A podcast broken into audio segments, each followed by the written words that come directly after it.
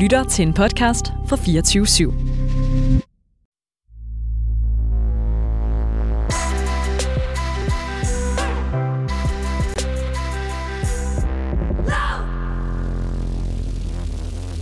Yes, du kan nemlig høre Underloud lige nu. Og øh, velkommen til. Underloud er et holdningsprogram om sex og krop, der skal gøre dig klogere på alt det, der foregår under bæltestedet, uden at det bliver underlødigt. Seks programmer om sex, som vi sender her på Radio Loud mellem jul og nytår. Jeg hedder Tanja Kjeldgaard, og jeg er din vært. Og i dag, der skal det handle om fantasier. De frække, men også de foruroligende. For jeg skammer mig faktisk, og jeg undrer mig også nogle gange over mine egne og andres fantasier. En gang fantaserede jeg faktisk om sex i en kirke. Måske fordi jeg så en fyr, der kom fra en meget kristen baggrund. Det var ligesom forbudt, og så blev det måske også lidt frægt. Og jeg kan heller ikke sige mig fri for at have det, jeg har lært hedder jungle fever. Jeg synes faktisk, at mænd med lidt kulør er sådan lidt mere attraktive end de helt blege. Og øh, det skammer jeg mig faktisk også lidt nogle gange over, fordi det er sådan lidt politisk ukorrekt at gå rundt og synes, at nogen, mm, hvad, hvad siger man, nogle farver er bedre end andre. Ja, jeg ved ikke, om det er forkert, eller om der er andre, der har det sådan. Men de upassende, de kiksede, de frækkede, frække og måske farlige fantasier, dem skal vi snakke om i dag. Voldtægtsfantasierne, eller bare dem om voldsom sex. Hvornår bliver det sygt? Hvornår skal de udleves? Og hvad er de et udtryk for? I Underloud i dag, der stiller vi skarpt på de der fantasier, og mit udråb i dag er, tag ansvar for din fantasi. Og det skal jeg så forsøge at gøre sammen med dig, Sine Skovby. Velkommen til. Tak skal du have. Og jeg skal måske lige starte med at sige, at øh, du hjalp mig her, inden vi skulle på, med nogle power poses, fordi jeg sagde, at jeg er stadig lidt nervøs for at lave live radio, og så sagde du, bare rolig. Altså, jeg er jo vant til at dyrke sex øh, foran andre mennesker, så øh, man skal lige starte med at have sådan stille sig i power pose, og så været helt ned i maven.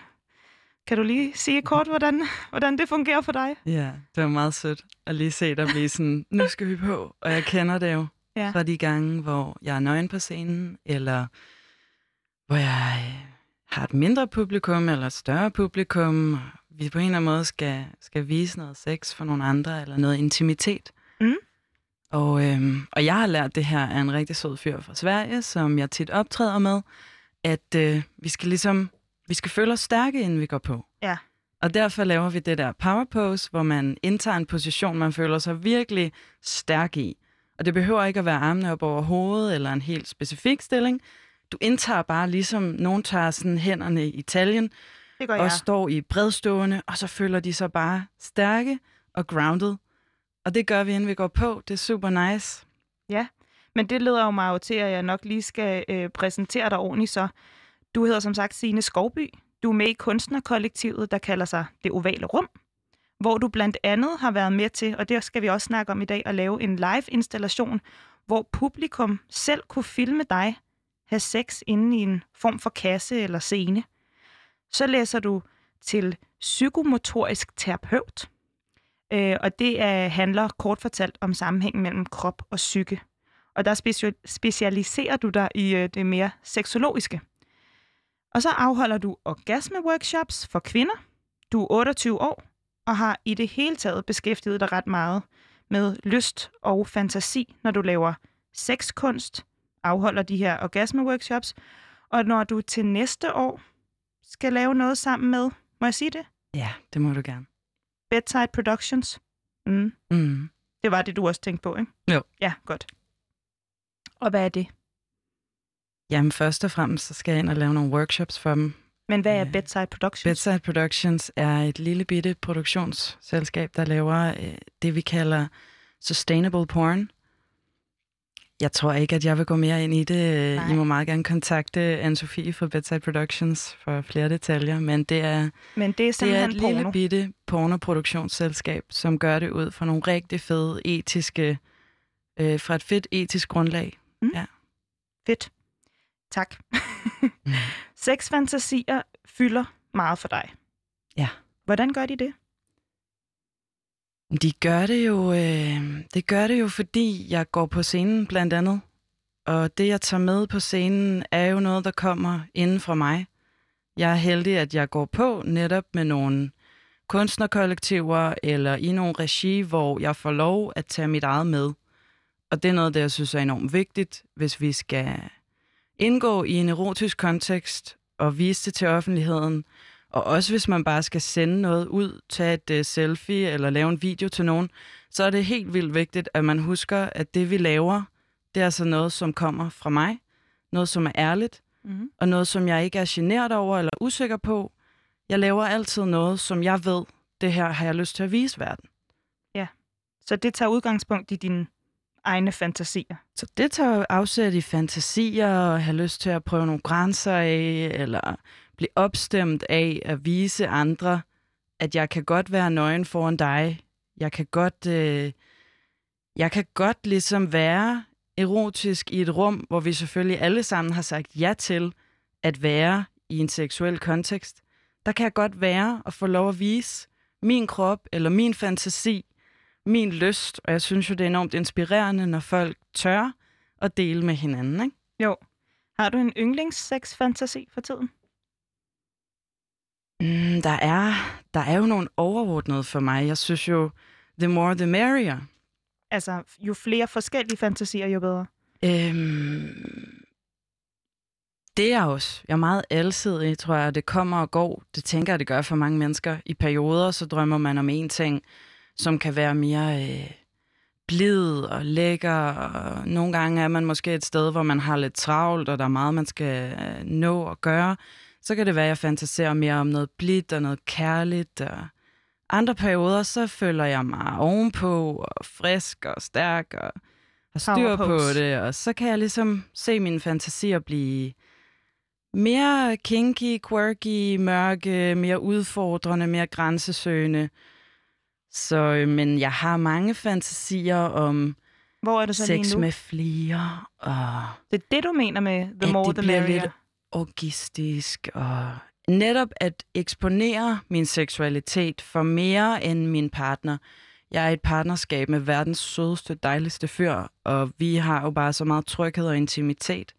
Men det, at vi også kan være sammen med andre, og at der kan være flere involveret, det giver mig virkelig noget. Jeg synes, det er så smukt. Ja. Det skal vi også snakke lidt mere om, det der med, hvordan man kan udforske sine seksu- seksuelle fantasier sammen, og hvor, Mm. hvad det egentlig kræver af kærlighed, eller tillid i hvert fald, Mm. omkring mellem dem, de involverede. Ja. Lad os sige det sådan. Men hvorfor er det, at, øhm, at det fylder så meget for dig øh, at udtrykke de her seks fantasier på scener eller foran andre? Ja, jeg bliver tit spurgt, hvorfor gør du det? Eller sådan øh, formanet. Folk er, er lidt usikre på, hvad nu med din fremtid? Og hvis der var nogen, der skulle se noget af det her, jeg tænker, jamen, andre de bliver skide dygtige til at bage brød. Så arbejder de i en bagerforretning. Står op klokken 4 om morgenen for at bage brød til andre mennesker. Nogen sidder på et kontor og laver noget skide vigtigt bag en skærm. Jeg har ligesom bare fundet ud af, at jeg er blevet utrolig grounded i min krop. Jeg er utrolig nærværende, får jeg tit at vide, med andre mennesker. Og det gør, at jeg på en eller anden måde kan bruge mig selv, og bruge min nøgne krop, og bruge min lyst på næsten som sådan et objekt, hvor fordi jeg er så afgrænset i forhold til ikke at blive påvirket af, at andre måske blev vildt tændte, eller omvendt slet ikke blev tændte. Det var slet ikke en kontekst for dem, hvor de kunne blive ophidset. Det skal man også kunne tage, når man står nøgen på en scene. At publikums reaktion er ikke mig.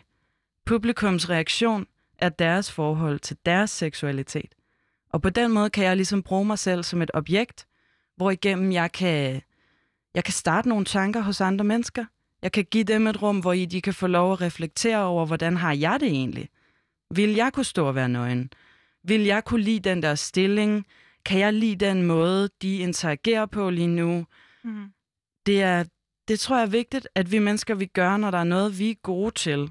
Så dyk ned i det, gør det, også når det er noget, der måske ikke er anerkendt og socialt accepteret på verdensplan. Gør det, hvis det er det, du kan mærke, du kan finde ud af, og det er noget, du nyder, og det er noget, andre mennesker får noget godt ud af samtidig. Ikke? Hvad er en sexfantasi egentlig? Jamen, jeg har jo tænkt over det, fordi vi skulle snakke om det i dag. Og det er sjovt, fordi det var måske, det var måske noget af det sværeste for mig at finde ud af, hvad er en sexfantasi? Fordi det er jo i virkeligheden, det er jo på alle mulige måder i vores liv, at nogle gange så, så opstår der bare et eller andet, uden vi er bevidste om, at lige nu er der faktisk en kemi i luften. Lige nu er jeg i et eller andet samspil med et andet menneske, hvor vi sjovt nok lige holder øjenkontakt, eller... Og der tror jeg, sådan noget kan ligesom inspirere os til senere at have en eller anden fantasi. Mm. Om det sådan er tydeligt, at man også ville kunne nærmest sætte ord på det, eller kunne skabe sig et billede for sit indre blik, det er ikke sikkert.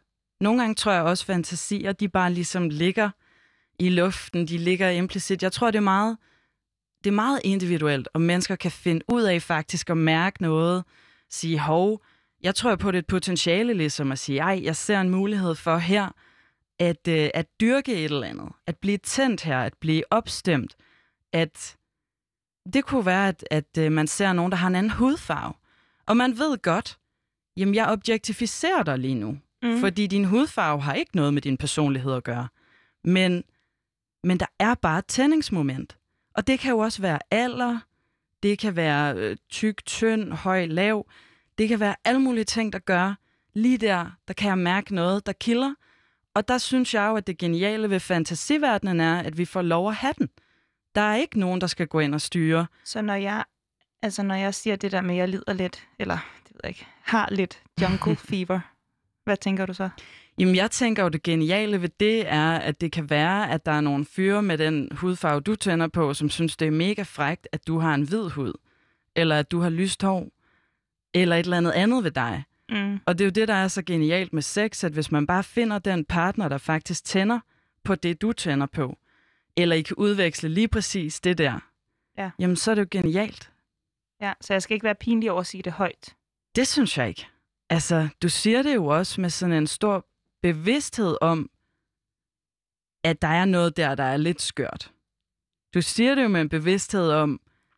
Hvorfor er det skørt? Hvorfor jamen, synes... vi skal jo være opmærksom på, hvis vi så netop går efter nogen med en bestemt hudfarve, en bestemt øh, øjenfarve, en bestemt... Øh, det kan også være accent. Altså, der er jo nogen, der tænder helt vildt meget på at høre en københavnsk eller en jysk eller en udenlandsk dansk accent, ikke? Mm. Og der kan måske ligge det der med, at vi lægger en historie over i hinanden. Altså, hvor vi skal passe på med, at det ikke kommer til at farve vores samvær med andre mennesker. Ja. Det, det er vigtigt jo at have sådan en bevidsthed omkring, hvad er min forudantagelse omkring det her menneske. Og det kan jo være det, der nogle gange bliver sårende, hvis man ikke har fået talt om, jeg er i det her, fordi det er noget frægt. Mm. Og nogen måske er i det, fordi jeg synes, du virkede så sød. Jeg havde lyst til at se, om vi skulle bygge en relation over længere tid. Og der kan, der kan man jo komme til at sove hinanden lidt, ikke? hvis det bare hedder sådan, om jeg har faktisk en fetish her, ikke? Jo. Men hvordan får man så det kommunikeret? Det er så et godt spørgsmål. Jeg tænkte meget over det, på, når jeg har bladret rundt på Tinder i de perioder, at jeg, altså, men nogle gange så, så bladrer jeg med den der meget specifikke. Nu, øh, nu tror jeg, jeg prøver jeg at gå efter noget, jeg tror, jeg, øh, jeg er tiltrukket af og så omvendt have sådan lidt dårlig samvittighed, og så hoppe over til bare at sige nærmest ja til det hele, fordi man skal også holde, man skal også være lidt åben menneske her, ikke? Sidde og være sådan uh, picky med sådan noget, øh, eller sådan, øh, jeg havde sådan lidt dårlig samvittighed over mine præferencer. Altså, øh, og det er jo, øh, det lærte jeg i hvert fald, at jeg skulle stoppe med, fordi man kan også sidde over for nogle mænd og tænke, jamen du er jo stadig den her farve, eller altså, du, øh, ja, hvad skal jeg sige, altså, måske må man godt gå efter, som du siger, hvis man ligesom har den præference, og man bare så er åben om, at det er et, en seksuel kemi, der er her med den altså, her. Det jo... Men det gør dig ikke til en mindre god, øh, fornuftig person af, at... Øh... Det er jo helt klart, at vi skal være ærlige over for os selv og over for hinanden dernæst. Ja, det må være første step, lige at tage den med sig selv. Jeg ja, tror, det er også der, den, lig, den lå for mig. Ja. ja. Altså, jeg, jeg tror lige vil øh, sige, at vi, inden vi gik herind, så sagde vi, åh, oh, vi har et Freud-citat til dig og sådan noget, ikke? Øh, og det så har vi måske her på redaktionen rullet lidt øjne af, men jeg kunne alligevel godt tænke mig at prøve den af på dig. Ja. Øhm, Freud skulle efter sine have sagt, at et lykkeligt menneske fantaserer ikke kun ulykkelige. Det er fordi han altså, observerede, at børn de bruger deres fantasi, når de leger, fordi øh, de mimer voksne, og så opbygger det ligesom en persona. Eller sådan. Så når vi ligesom er blevet hele, et lykkeligt, helt menneske, så har vi altså ikke behov for at fantasere mere. øhm, hvad tænker du om det? Er, er, er sexfantasier et udtryk for, at vi ikke øh, har det godt og er lykkelige? Jamen, jeg står jo og griner lidt herover, fordi Freud er jo simpelthen den sidste, vi skal, vi skal vende os mod, når vi snakker seksualitet. Tak. Fordi han tror jo netop på det her med, at vi bliver ligesom færdigudviklet. Og det, det er simpelthen bare, det er ikke en ting, at din, du kan jo kigge på organet klitoris for eksempel, i kvinden, og så kan vi faktisk se, at det her organ bliver ved med at vokse med årene, der går. Gud, det vidste jeg ikke. Og det er jo sådan en ting, jamen hvis et kæmpe nydelsesorgan bare vokser i kvinder, hvordan skulle det så foregå, at vi ikke også ændrede os i vores lyst, i vores evne til at nyde? Så, så det her sådan med, at mennesket bliver færdigudviklet, og så kan du være havnet sådan ligesom i en fase, hvis der er sket noget helt særligt i dit liv, i din tidlige barndom, så kan du ligesom være havnet i en fase, hvor du er blevet homoseksuel. Og at det skulle være et kompleks. Altså, det er jo simpelthen så gammeldags tænkning, når vi kigger på det nu. Så, så Freud, ja, ham kan vi ikke lige bruge. Vi smider ham væk. Ja. Væk med ham. Øh, men kan du, øh, kan du genkende den med at have nogle, at, at du, der opstår nogle seksuelle fantasier hos dig, du bliver pinlig over? Og nu tænker jeg ikke på dem, der kan gøre en lidt sådan, for, altså sådan lidt bange for, om, man nu, om der nu er et eller andet, der er galt. Øh, men mere det der med, sådan, hvis man nu tænder på sådan sådan håndværker-fantasi, øh, ikke? Altså, hvor øh, der sådan er jo en lidt kliché nogen, ikke? Det er sådan rørlæggeren, der kommer ind, og lige skal der lægges rør ind her. Kan du, kan du genkende den der med at sådan tænke sådan, ej, det skulle da lidt for plat, at jeg ser den her pornofilm med det der? Absolut. Jamen altså, det, det er jo, nogle gange griner vi af os selv, og det skal vi også bare gøre. Mm. Fordi det er jo netop at objektificere, altså se på nogen og, og se en eller anden karakter i dem. Men det er jo lige præcis det, der er med fantasien. Altså ligesom at, at børn er gode til at bruge deres fantasi og lege noget, de ikke er. De er ikke øh, en øh, stresset mor i en bil, øh, som jeg kan huske, jeg legede, da jeg var barn. Skal vi ikke lege stresset mor? Og det er jo... Øh, fantasien er fed. Altså, den er super fed, og den er inspireret af den virkelige verden. Men jeg tænker også, altså klichéer, de opstår faktisk tit af, af den virkelige verden. Altså, de har rod i et eller andet. Det der med, når så, så bollede han skulle med underboen og var, var utro. Det er en forfærdelig, forfærdelig kliché, men det sker. Altså, det, der er rigtig mange af de her... Øh, og netop fordi ting er forbudte, tror jeg også nogle gange, de kan være en rigtig god fantasi, som ikke nødvendigvis skal leves ud, men som kan give noget energi. Mm. Hvad er så din uh, guilty pleasure-fantasi? Jamen, jeg har det helt sikkert et eller andet med. Nu er du jo meget åben om dem, så det, det ja. kan måske også godt være, at der så ikke er så meget guilt forbundet Nej, med det. jeg, jeg har svært ved lige at nævne en, som jeg synes er guilty. Fordi igen, det er jo fantasier. Og mange af mine fantasier har jeg faktisk også udlevet. Så den er lidt... Øhm, den er lidt svær at sige, sætte en finger på, men jeg kan godt mærke, at jeg tit lidt køber ind i den der, det der måtte jeg for guds skyld ikke gøre. Så, det er det, så nu det... fantaserer jeg lige lidt om det, ikke? Sådan, ej, hvor forrygt ville det lige være, ikke? Jo. Men, øhm, men jeg tror, jeg har sådan meget klare grænser i forhold til... Nogle fantasier kan jeg bare se dybt uhensigtsmæssige. Hvis jeg udlevede dem, så gør jeg det ikke. Ja. Og andre, der tænker jeg, om der er jo egentlig grønt lys. Altså, hvem skulle det gå ud over? Ja. Og det skal vi vende tilbage til lidt senere. Fordi det er nemlig ret spændende, det der med, hvordan man finder ud af, om man skal gå den ene vej, eller om den bare skal blive her, eller man skal fortælle den, og så bare sidde og tænde på den sammen med nogle andre. Jeg, øh, ja, hvad det hedder, når jeg ikke står her bag mikrofonen, så laver jeg øh, nogle gange øh, en podcast med erotiske noveller, der hedder O, Erotisk Radio. Og så læser jeg også lydbøger for et forlag. Og der har jeg fået æren af at simpelthen at indlæse et hav af erotiske noveller. Og her for nylig, så, hvad det hedder, øhm, så var en af dem, jeg skulle indlæse, den hed Blafferpigen. Og det handlede simpelthen om øh, sådan en øh, pige, der stod og blaffede, og så øh, ville hun bare gerne have sex med alle dem, der tog hende op. Og øh, det var ligesom det, historien gik ud på. Og jeg blev øh, faktisk ret irriteret, fordi at jeg, øh, altså jeg selv har blaffet meget, og jeg ved fra blaffermiljøet, at det er sådan en angst, der er hos mange kvinder, øh, at, at øh, de er bange for, at eller, eller det er måske ikke kun angst for kvinder, men det er også sådan en, en historie, der er, at man skal passe på som kvinde, hvis man er ude at blaffe, og tør du godt det, fordi det kan jo være, og sådan noget. Og så provokerede det mig bare sygt meget, at jeg havde sådan en, jeg skulle formidle sådan en historie, øh, som ligesom bidrager til den der fortælling om, at, at når man blaffer, så er man sådan lidt løs på tråden, og så kan man godt tillade sig et eller andet. Har du nogen øh, sexfantasier, der figurerer derude, som du godt kunne tænke, der ikke fyldt så meget? Øhm. Nej, jeg tror ikke. Jeg oplever ikke den der følelse af... Fordi jeg, jeg forstår dilemmaet i den der. Altså, mm. det er virkelig problematisk også med en lyst til at sige nej, og så er der alligevel nogen, der skal gøre noget ved en. Altså, det, de her situationer, hvor det er selvfølgelig problematisk, hvis en pige blaffer afsted. Altså, jeg har faktisk en, en bekendt, han er så fyr, som har gjort det.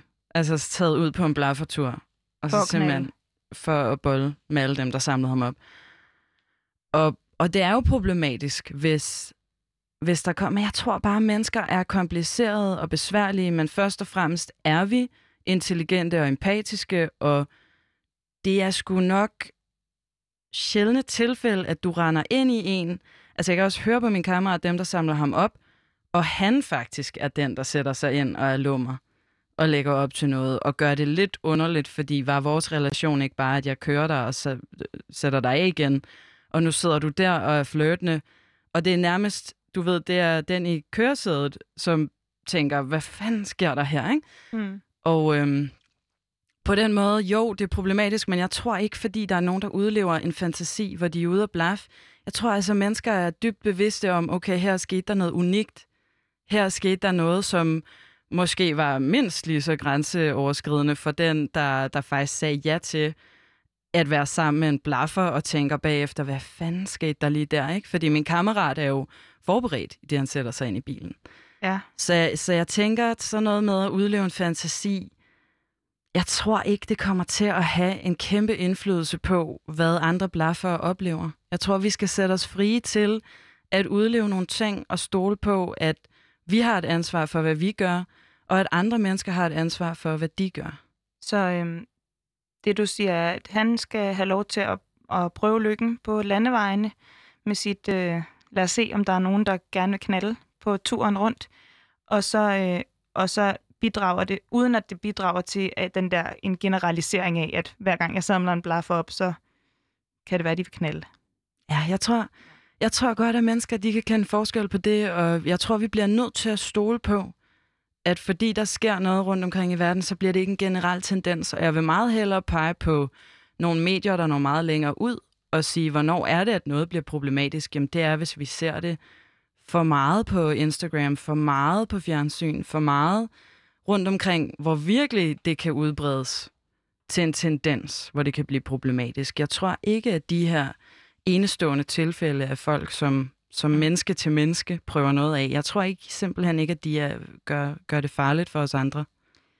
Da du var med til det her, øh, den her udstilling, eller det her øh, projekt, som hedder The Peep Show i den fri udstillingsbygning i København, der, øh, der kunne folk filme dig øh, og andre øh, udføre nogle erotiske handlinger. Er det ikke den mest overordnede jo. paraply, jeg kan prøve på det? Jo. Øhm, og det, det endte også med, eller endte, du havde også øh, det, man vil kalde fuldbyrdet øh, samleje med en mand ja. øh, derinde, og så kunne folk så filme.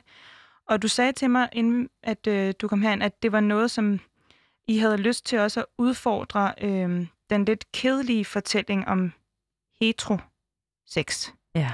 Hvad er det for nogle, fanta- altså, hvad er det for nogle fantasier? Øh, hvordan vil I gerne udfordre det? Jamen, der, der skete jo det, at øh, det ovale rum faciliterede nogle workshops op til den her forestilling.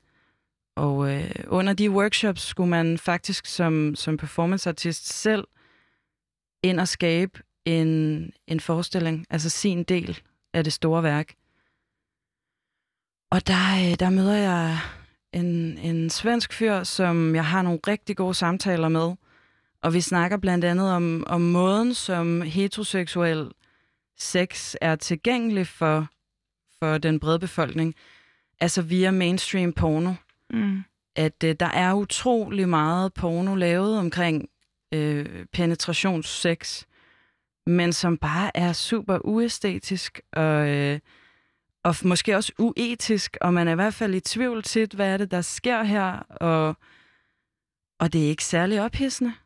Altså det kunne vi i hvert fald blive enige om. Det er jeg sikker på, det er for mange. Det skal jeg ikke være herover, men vi var ret enige om, at det kunne godt være, at man kunne lave noget heteroseksuel sex og fremviste det, som var bare fuld af intimitet og omsorg og jeg vil sige kærlighed. Altså nu har vi jo begge to en, en kæreste og i hver vores faste parforhold, men, men lever i åbne forhold, ikke?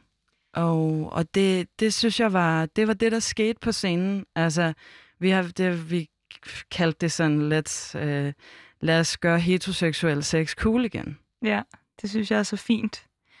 Men havde I nogle grænser? Altså nu nævner du de her workshops, sådan, altså som jeg siger, så indlæser jeg også erotiske noveller, og der har jeg jo den her idé om, at, at det er jo bare fantasier, som jeg læser højt. Der er ikke nogen, der skal udføre dem. Mm. Øh, og alligevel har jeg sådan en tilbageholdenhed med, hvad jeg øh, har, hvad jeg har lyst til at formidle, og hvad mig og min makker, når vi har vores podcast, har lyst til at formidle. Var der nogle regler, eller havde I nogle grænser for, hvad I måtte formidle, nu hvor I skulle udføre det? Fordi så er der jo mennesker, der skal udleve måske jeres egne, men i det hele taget fantasier til skue for andre. Ja, jamen, øhm, jeg husker en meget, meget stor åbenhed øhm, fra det ovale rums side af i forhold til, hvad vi kunne få lov at gå ind og lave på scenen. Så der og var tror, ingen grænser? Jeg tror, det er et rigtig godt symbol på det gode seksuelle samspil også, at vi var så tætte forbundet, der var så meget øh, kommunikation på set og på workshop omkring, hvad der skulle ske. Vi havde dem, der ligesom på det tidspunkt var... Øh, øh, var facilitatorer i det ovale rum, de var bare så meget med i, hvad er det, I laver? Hvad er det, I, hvad er det for en proces, I er i? Hvad er det, I interesserer jer for? Hvad er jeres fantasi? Mm. Hvad er det, I vil gå ind og vise? Der var så tæt et samarbejde mellem performanceartist og, og facilitator og redaktør her, at, mm. at på den måde, så var der ikke noget. Der var ikke sådan et sort-hvid, ingen skal gå ind at lave noget, der lægger sig op af en overgrebsfantasi. Ingen må gå ind og lave noget, der har med magtspil at gøre. Der var ikke de her tydeligt optegnede kasser af må, må ikke, eller rigtigt og forkert. Tror du så ikke også, du havde gjort det? Nej, jeg tror, jeg tror noget af det, som, øh, som er vigtigt for mig med det seksuelle, det er netop, at den gode, den gode kommunikation omkring, hvad skal der ske, den er sindssygt vigtig. Fordi det kan blive lige så grænsesøgende og mørkt og hårdt og udfordrende, som det overhovedet vil, hvis bare alle er enige om det, det der skal ske. Så synes jeg, at vi skal prøve at tage den der med, hvornår skal det så ske? Og øh, du har sagt til mig, at det ikke er hensigtsmæssigt at udleve alle seksuelle fantasier. Ja. Hvad mener du med det? Jamen, det tænker jeg er måden, hvorpå fordi jeg er, jo, jeg er jo fortaler for, at vi har nogle fantasier, og øh, jeg tror, der kan komme rigtig meget godt ud af at fantasere. Jeg tror, at... Øh, Hvad kan der komme godt ud af det? Jamen, jeg tror, vi kan blive inspireret til faktisk at nyde vores egen krop mere, nyde andre mennesker, Øh, hvis du har været i et forhold i rigtig mange år, har du måske haft meget af det samme sex. Det behøver ikke at være en dårlig ting, men det kan være, at der en dag øh, opstår en eller anden situation, som inspirerer dig til at snakke med din partner om, hey, øh, jeg kunne faktisk mærke, at det tændte mig lidt. Og måske netop derfor tænker jeg, at det er en god idé at lave nogle erotiske øh, forestillinger og have erotik som et kunstnerisk indslag på forskellige gallerier og ude i offentligheden, sådan så folk, som har brug for og lyst til at blive inspireret og få startet deres fantasi, at de faktisk kan komme hjem med noget og tale med nogle venner eller en partner, eller altså, man kunne faktisk også tale med sine forældre om sex. Altså, det synes jeg, der mangler. Der mangler, at vi får lov hen over et middagsbord at tale om sex, som om det er noget, vi faktisk skal tage alvorligt. Og som noget, der faktisk har en indflydelse på vores sundhed og vores trivsel, for det har det. Og vi, vi, på en eller anden måde, så er det bare stadigvæk underlagt det tabu, at til en eller anden parmiddag, så er det sjældent, at, øh, at et par bare lige fyrer ind med i samtalen. Hey, har I nogensinde oplevet, øh, når man egentlig gerne vil, men øh, så går det sgu lige galt der, og hvad, hvad, hvad gør I egentlig? Ja. Og det savner jeg. Så lad os snakke om, at, øh, at jeg nogle gange, jeg ved, jeg ved ikke, om jeg vil, har hvor meget, altså, nogle gange kan jeg godt få sådan nogle fantasier, der handler lidt om voldtægt. Øh, og det, øh, det, det tror jeg, øh, det har jeg tænkt over, at det vil jeg gerne snakke med dig om i dag, fordi det, det er sådan lidt freaky for mig. Hvad betyder det? Og i den forbindelse starter startede jeg lige med at spille et klip, som min producer Linda har lavet, hvor hun tog en snak med en seksolog og psykoterapeut, som hedder Holger Spangård. Det kommer her. Jamen det tror jeg hænger sammen med, at der er elementer i den her voldtægtsfantasi. Altså man fantaserer om på en eller anden måde at, øh, at slippe for noget ansvar og noget kontrol. Og det er også en meget populær øh, sådan fantasikategori. Det er sådan noget med kontrol og magt og dominans. Så det er også over 90 procent af både mænd og kvinder, der på et eller andet tidspunkt har fantaseret i den retning. Så jeg tror, at vi, øh, når vi sådan fantaserer om noget, vi ikke har lyst til at prøve i virkeligheden, så er det fordi, i fantasien, der sorterer vi det fra. Så vi tager ligesom fat i den del, som øh, der er noget i os, som savner, som for eksempel at overgive sig eller slippe kontrol, eller altså for eksempel de her voldtægtsfantasier, det her hænger nogle gange sammen med usikkerhed, de kan også hænge sammen med øh, sådan lavt selvværd, og det siger altså, uden man skal tro, at alle, der fantaserer om voldtægt, har lavt selvværd, sådan er det ikke, men, men sådan en følelse af, at øh, jeg kunne ikke slippe for at tage ansvar for en situation, for eksempel. Og det kan så gives udtryk i sådan en, en fantasi, som man jo sjældent vil have lyst til at udleve. Ja, det er jo også det. Altså, den her fantasi har jeg jo i hvert fald ikke lyst til at udleve. Er det også en af dem, eller altså, er det også sådan, du tænker, den skal du bare... Hvad skal jeg gøre med den? Ja, godt spørgsmål. Jeg tror, som han også lige sagde, han havde tal på det, det ved jeg ikke noget om, men, men jeg tror, der er mange, der ja. faktisk oplever at have den her fantasi, hvor de i hvert fald, det behøver ikke at være voldtægt, det kan være øh, bare kontroltab, altså at nogen tager lidt hårdere fat. Vi ser det meget i form af det her 50 Shades of Grey nu, der kører meget. Stadigvæk. Øhm, jeg kalder det, ja, det gør det nemlig. Men der, der møder vi det der med at overgive sig, eller at nogen tager dig, eller at ligesom lade sig, lade sig kaste ud i noget. Og det har jo også den der mørke... Det, der er noget, man bliver draget af. Mm. Øh. Altså jeg analyserer mig lidt frem til selv, at det måske er fordi, jeg er lidt er dårlig til at give udtryk for, hvad jeg har lyst til.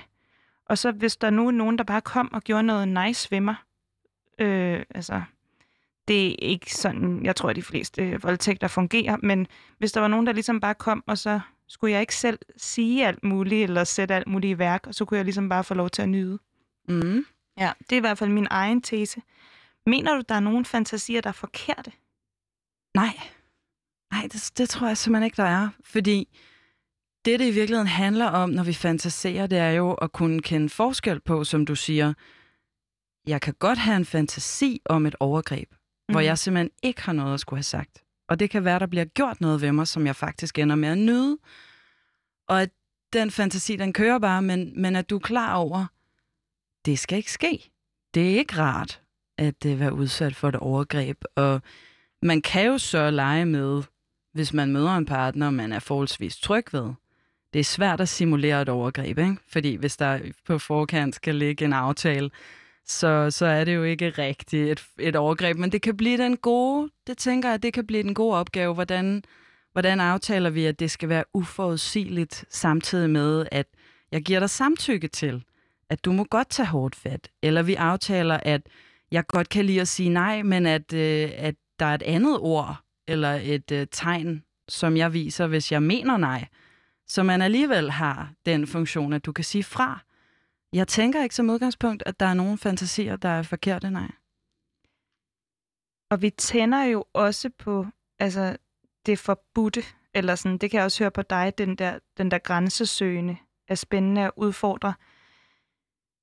Øhm, jeg er nok sådan en, der altid har undret mig lidt over det der med, når man så, hvis man så tænker, jamen lad mig prøve at udleve den her, hvor jeg skal have noget kontroltab og noget uforudsigelighed. Altså, jeg, har du et råd til mig, fordi jeg føler mig tit sådan lidt kikset. Altså, jeg, jeg kan mm. simpelthen ikke se mig selv komme hjem i sygeplejerske kostume, og så sige, nå, skal jeg lige se, om, om pikkemand er gået i stykker, eller jeg ved ikke, hvad, undskyld mig, fanden det er. Altså, jeg har lidt, jeg, jeg kommer til at synes, at jeg selv er lidt latterlig. Altså, øhm, hvordan mm. udlever man de der fantasier, mm. uden at det bliver sådan lidt, så er du fundet, altså, kan du, ja, giver det, det mening? Det er et rigtig godt spørgsmål. Du gør det jo. Du det er et rigtig godt spørgsmål, fordi hvordan render man lige ind i det menneske, som også fantaserer om, ja, det er jo så at dominere, og ikke at blive domineret. Og øh, at det spørgsmål får jeg altså nogle gange, hvor, hvor jeg er ude for, fordi det er ikke Tinder, tror jeg. Måske er det. Mm. Altså, måske er det en app, hvor man kan være meget klar i sin kommunikation omkring at, øh, at lede efter. Når jeg selv har haft Tinder, så står der meget klart og tydeligt, at jeg er ude efter en partner, der har lyst til noget sjov, noget sexet, udforske sammen. Jeg er allerede i et parforhold. Er du klar bare på, at det er noget øh, casual sex, måske længerevarende? Øhm, der kan man jo, når man har mulighed for at gøre det på skrift med nogen, være meget klar omkring, Nå, men jeg skrev egentlig til dig, fordi jeg synes, du havde et glimt i øjet. Ja. Og så men... svarer personen måske, Nå, men det, du har også, eller noget lidt mere flat. Og så mærker man jo frem til, kan jeg godt sige, jamen du lignede måske lidt en, der bare ville tage mig. Ja. Og så kan man ligesom skrive sig frem til. Så jeg tænker, det kan appen, mm. hvis man altså kan gå derhen, hvor man bliver meget eksplicit og virkelig udtrykker. Ja, fordi det skal man jo vide om sig selv. Ja. Og øh, det leder mig faktisk lidt hen til din egen historie. Noget af din egen historie. Fordi du har, du har fortalt mig, at du ligesom er vokset op i en familie med en forholdsvis fri seksualitet. Og øh, jeg blev også mærke i, at du fortalte mig, at din far havde givet udtryk for, at han havde nogle ønsker om, hvordan, når du blev stor eller voksen, øh, hvordan du så vil opleve sex.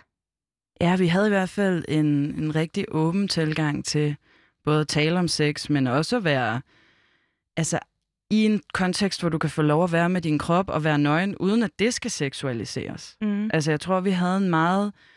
Kroppen er til for at nyde og for at bruges. Altså kroppen, du skal ud og være i naturen, du skal ud og klatre i nogle træer, du skal ud på en lang vandretur, eller du skal op i nogle bjerge.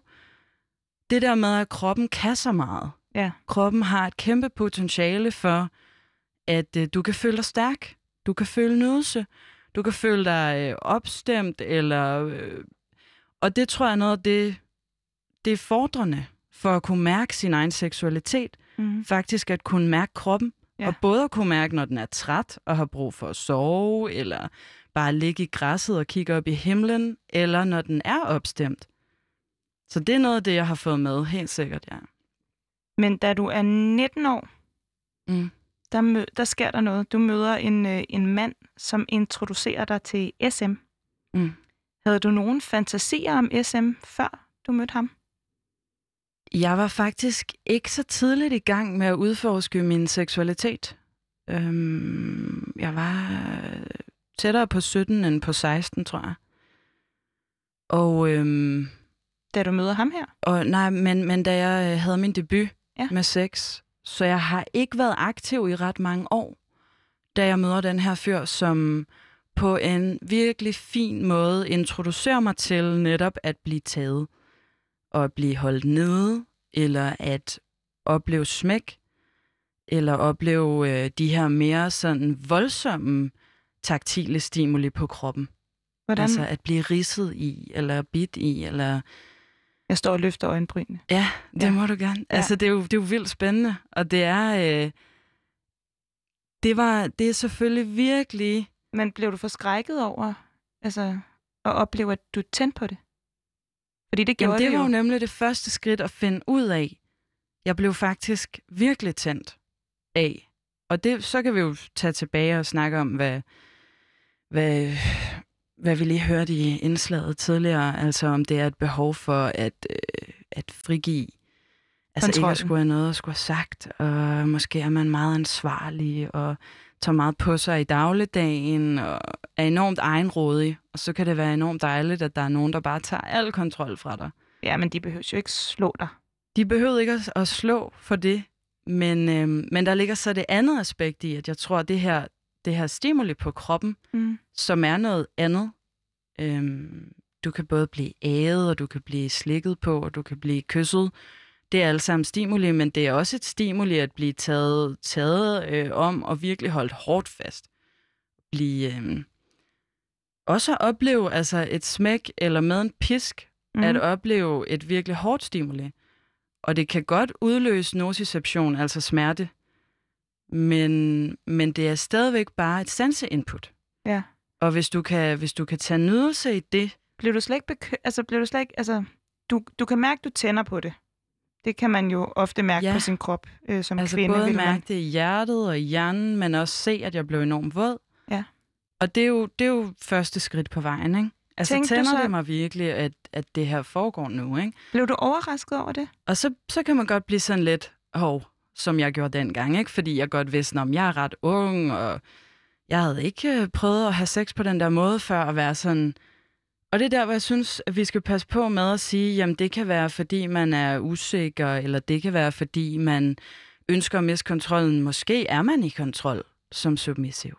Altså, at være den, der dominerer, der skal man virkelig læse kropssprog, og du skal virkelig være responsiv i forhold til, var det lige lidt for hårdt? Var det lige et slag for meget? Men jeg vil skal gerne jeg lige... tilbage til det der med, altså, bliver du ikke, altså, bliver du ikke skræmt? Altså, opstår der slet ikke sådan nogle følelser af, hvor du stusser over sådan, øh, hvad betyder det her? Jo. Altså, du er 19 år. Ja, præcis. Jeg tror, ja. det var, jeg tror, jeg var 19 første gang, jeg sådan rigtig havde sex.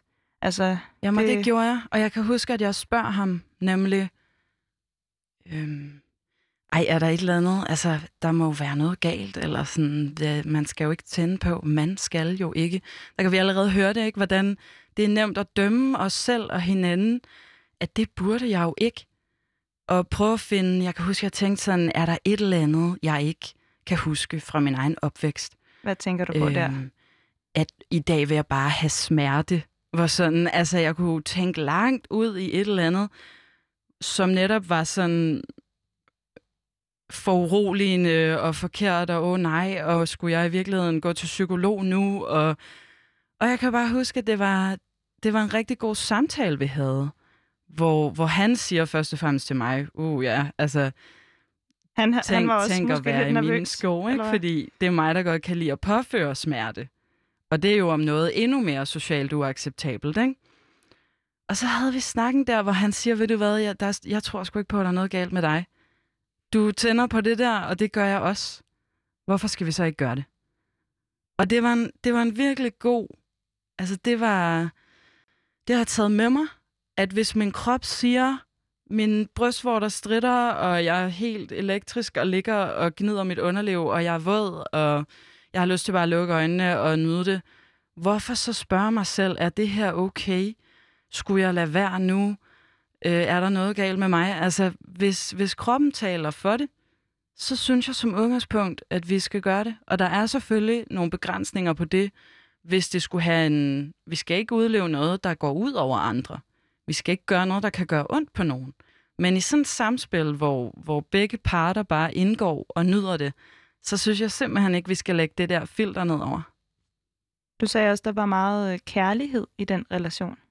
Ja. Eller respekt, tror jeg også, du brugte ordet. Ja, Jamen, og det er tilbage til det, jeg lige nåede at nævne, at, at i virkeligheden i sådan en udveksling, der, der skal være utrolig meget intimitet og meget indføling og meget forståelse imellem de parter, både for, at det bliver så godt som overhovedet muligt, ikke? fordi det er også noget med at lære, hvor vil jeg gerne slappes. Altså, mm. er det på baglåret, inde i knæskallen, eller... Altså, det kan være nogle skøre steder, ikke? Så det er noget med at udforske, og det skaber jo en tæthed at lære hinandens kroppe at kende. Men også det der med at have snakken, som vi tit havde bagefter, kunne han finde på at spørge mig, var det lidt for hårdt lige der? Og så siger jeg sådan, ja, det var det måske lige der. Jamen, jeg tænkte nok, jeg så det. Og så udvikle sig i den retning, og hvis, jeg kan huske, vi havde en episode, hvor det bare blev for hårdt, altså all round, i en længere periode, og hvor jeg ikke sagde fra, og hvor han bagefter bare sådan holdt om mig og sagde, ej, det var, det var ikke i dag. Det var ikke den rigtige dag. Og så endte vi med at sidde og holde om hinanden. Og det synes jeg også er enormt vigtigt, fordi vi lever i en tid, hvor vi er meget opmærksomme på, at vi kan komme til at krænke hinanden, når vi ikke, når vi ikke taler ordentligt sammen.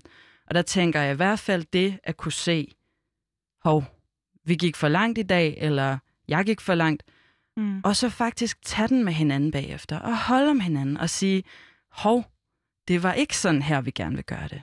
Når jeg snakker med folk, der, øh, jeg ved ikke, man siger, dyrker, eller har dyrket sådan en hård sex, så, så får jeg også, synes jeg tit, jeg får at vide, at, at det er faktisk der, der er enormt meget øh, respekt og, og, og kommunikation omkring lyst og grænser.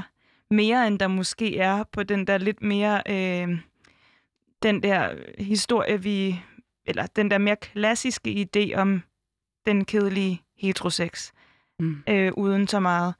Og, og, jeg, og jeg vil bare sige, jeg kan i hvert fald godt genkende den der mere overskride nogle andres grænser eller sine egne i ganske almindelig missionærsex, fordi man ikke havde lyst eller ikke var der. Så mm. den samtale eksisterer jo, uanset om der er en pisk involveret eller ej. Altså, den Præcis. grænse kan jo sagtens blive overskrevet. Præcis.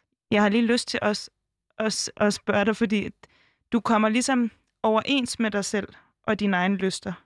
Mm. Hvordan, hvordan er den proces? Ja, hvad sker der? Altså, jeg er jo stadigvæk i et forhold med den her mand i dag. Også selvom vi har haft kærester, og det har været on-off, og det ene og det andet. Men, men det der med at opdage med sig mm. selv, at jeg kan godt udleve mine fantasier, jeg må godt gøre noget, der tænder mig, jeg må godt gøre noget, der umiddelbart lyder forkert og for hårdt og for ekstremt, men at det leder ikke til noget dårligt, når der ligger et samtykke, og når der er flere parter, der nyder det. Så det, det har været meget bekræftende for mig. Mm. At, øh, og sådan har jeg det med flere af mine fantasier, når jeg har forsøgt at udleve dem, at det kunne faktisk virkelig give mig noget.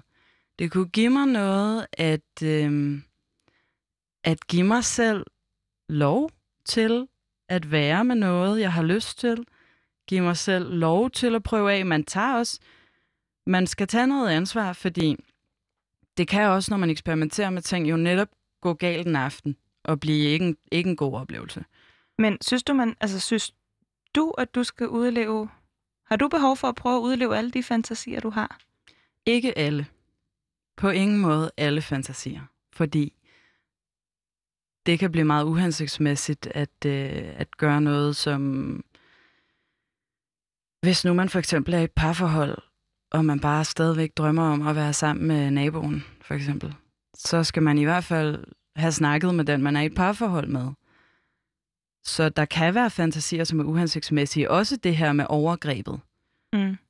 Altså, øh, jeg kender godt til voldtægtsfantasien. Det er jo... Klassiker. Det er jo... Ja, jeg synes lidt, det er en klassiker. I hvert fald for os der godt kan lide, og, og ligesom ikke skulle have noget at skulle have sagt, og bare skal modtage, ligge der og modtage et stimuli. Øh, og hvis man tænder lidt på det, det frække forkerte, det der, mm. som vi har snakket om tidligere, så, øh, så, så kender jeg det godt det der med, wow, Hvis det skete en dag, ville det være frægt. Men jeg ved også godt med mig selv, det ville det nok ikke. Men tror du, altså forsvinder dine sexfantasier, når du har udlevet dem? Nej, det er lidt... Eller har du bare sådan mm. et katalog, du hiver frem, når du måske onanerer, eller sådan, så, så er det lige den i dag, eller... Altså, kan du se sådan en eller anden De forsvinder Bevægelse. aldrig, men jeg tror, det jeg har med mig er jo et langt, altså vi kan kalde det et katalog, en lang mindebog Mm. af gode oplevelser, jeg har haft, som var ekstremt frække. Og som når jeg så onanerer derhjemme med mig selv, så kan jeg da godt komme til at tænke på den der situation. Og det kan give virkelig et rush, og vi kan snakke empowerment, når man oplever som kvinde, at som, som kvinde, der vil jeg sige, at vi har den fordel, at der er blandt andet øh, svingerklubber rundt omkring i verden, som man kan opsøge, og hvor vi nærmest bliver behandlet som sådan nogle dronninger, når vi går ind, ikke? fordi der er primært mænd, eller der er i hvert fald klart et flertal af mænd. Og hvis du er meget tydelig omkring, jeg har et ønske om at øh, opleve sådan og sådan og sådan, så kan du næsten være 90% sikker på at gå ind og faktisk have den fantasi og udleve den. Øhm, også på en god måde. Jeg vil sige, jeg har, jeg har altid gjort det sådan, at der skulle være nogen med, jeg var tryg med, hvis jeg ville udleve en fantasi, som var lidt mere ekstrem. Altså, så kan det være en god idé at øh, også lige have en partner med. Ja. Men, øh, men det kan virkelig give noget at føle, føle sig i stand til at udleve sine egne fantasier. Men jeg fornemmer også lidt, at en af de fantasier, der sidder fast i dig stadigvæk, det er også at udleve dem foran andre. Det Så- er det blevet til, ja. Til, altså, øhm, når man kommer ned... Hvis jeg mødte dig i svømmehallen, nu er Ja. det nok lukket, corona, og altså... Og så tror jeg bare, jeg ville blive forskrækket, hvis du stod der med piske, Ja. piskestriberne. Det håber jeg også, du vil. Ja. Det vil være lidt ude af kontekst, kan man sige. Når du men, mener, men jeg at, tænker, at hvordan se er det selv at stregerne gå rundt? fra... Ja, Nå. altså sådan, hvordan er det at gå rundt med mærker fra sin udlevet, sit sexliv? Jamen, det er jo, ja, det er jo at udstille, Ja. at jeg har oplevet noget. Og det kan selvfølgelig virke lidt skræmmende for andre, men jeg tænker, det er der, at vi skal give hinanden plads til at være, og at folk må til enhver tid spørge mig, hvad er der sket der? Ja. Og så må jeg jo være ærlig og sige, jamen det er fordi, jeg har noget rigtig sjov sex med en fyr, øh, som jeg godt kan lide. Så det er bare en pisk. Ja, fedt. Og så, øh, så kan vi jo blive generte alle sammen. Eller Ja, jeg kan det godt, jeg står også og rødmer lidt nu. Men, øh, men det tænker jeg, ja, det er selvfølgelig en, en bivirkning ved at have hård sex, at det kan ses efterfølgende, og det er ikke altid så kønt, men, øh, men jeg tænker, vi skal være gode ved hinanden og give hinanden plads. Hvis nu, at øh, man sidder derude med nogle, øh, nogle fantasier, som man ikke rigtig ved, hvad man skal stille op med, eller har det svært med, så, øh, så skal du næsten have lov til her øh, til sidst at, at give et par råd med på vejen. Hvordan, Mm. øh, hvad, hvad vil være dit råd, når du for eksempel holder orgasmekursus, øh, og der, eller workshop, og der sidder nogen og siger, jamen, jeg tænder på det her. Mm. Det synes jeg er mega underligt. Hvad, altså, jeg prøver at skubbe tanken væk. Ja. Altså først og fremmest, så, øh, så understreger jeg, at der er ikke noget, der er så underligt, at det ikke stadigvæk er godt. Altså, underligt kan være en god ting. Øh, forskroet kan være en god ting. Særligt i den her fantasiverden. Og, øhm, og hvis du ligger inde med en fantasi, som lyder virkelig... Den skal jo først og fremmest være sikker for dig. Mm. Vi skal ikke gå ud og opsøge et overgreb på en eller anden random bar, hvor folk er fulde, og hvor vi knap nok kender hinandens navn. Altså det er noget med, hvordan kan man opsøge nogle trygge relationer, og jeg vil lige frem gå så vidt som at sige, at hvis man har en vennekreds, hvor i der er nogen, som også er interesseret i det seksuelle, eller som man har en skide god kemi med, nogen man er tryg med, så kan man jo enten spørge dem, om de har lyst til at eksperimentere, eller man kan spørge, vil du ligesom være min safety line og gå med mig ind på en svingerklub? Vi kan tage til Young Swing, vi kan, gøre, vi kan tage til Berlin, hvor der er nogle lidt mere stilede klubber. Ja. Og, øhm, og Og så- sådan tænker jeg, at det handler om at kunne udleve sine fantasier i et trygt, altså i et trygt miljø. Ikke for, for alt i verden bare gå ud og opsøge det. Det sidste øh, råd, inden jeg skal skynde mig at runde af, det bliver, mærk efter i din krop, mm. og så husk at tænke over, om de er hensigtsmæssige for dig og andre at udleve. Og så skynder jeg mig at runde af. Der er nemlig nyhederne på vej. Det her, det var underlavt, og det er Linda, der sidder derude og producerer, og mange tak til Sine Skovby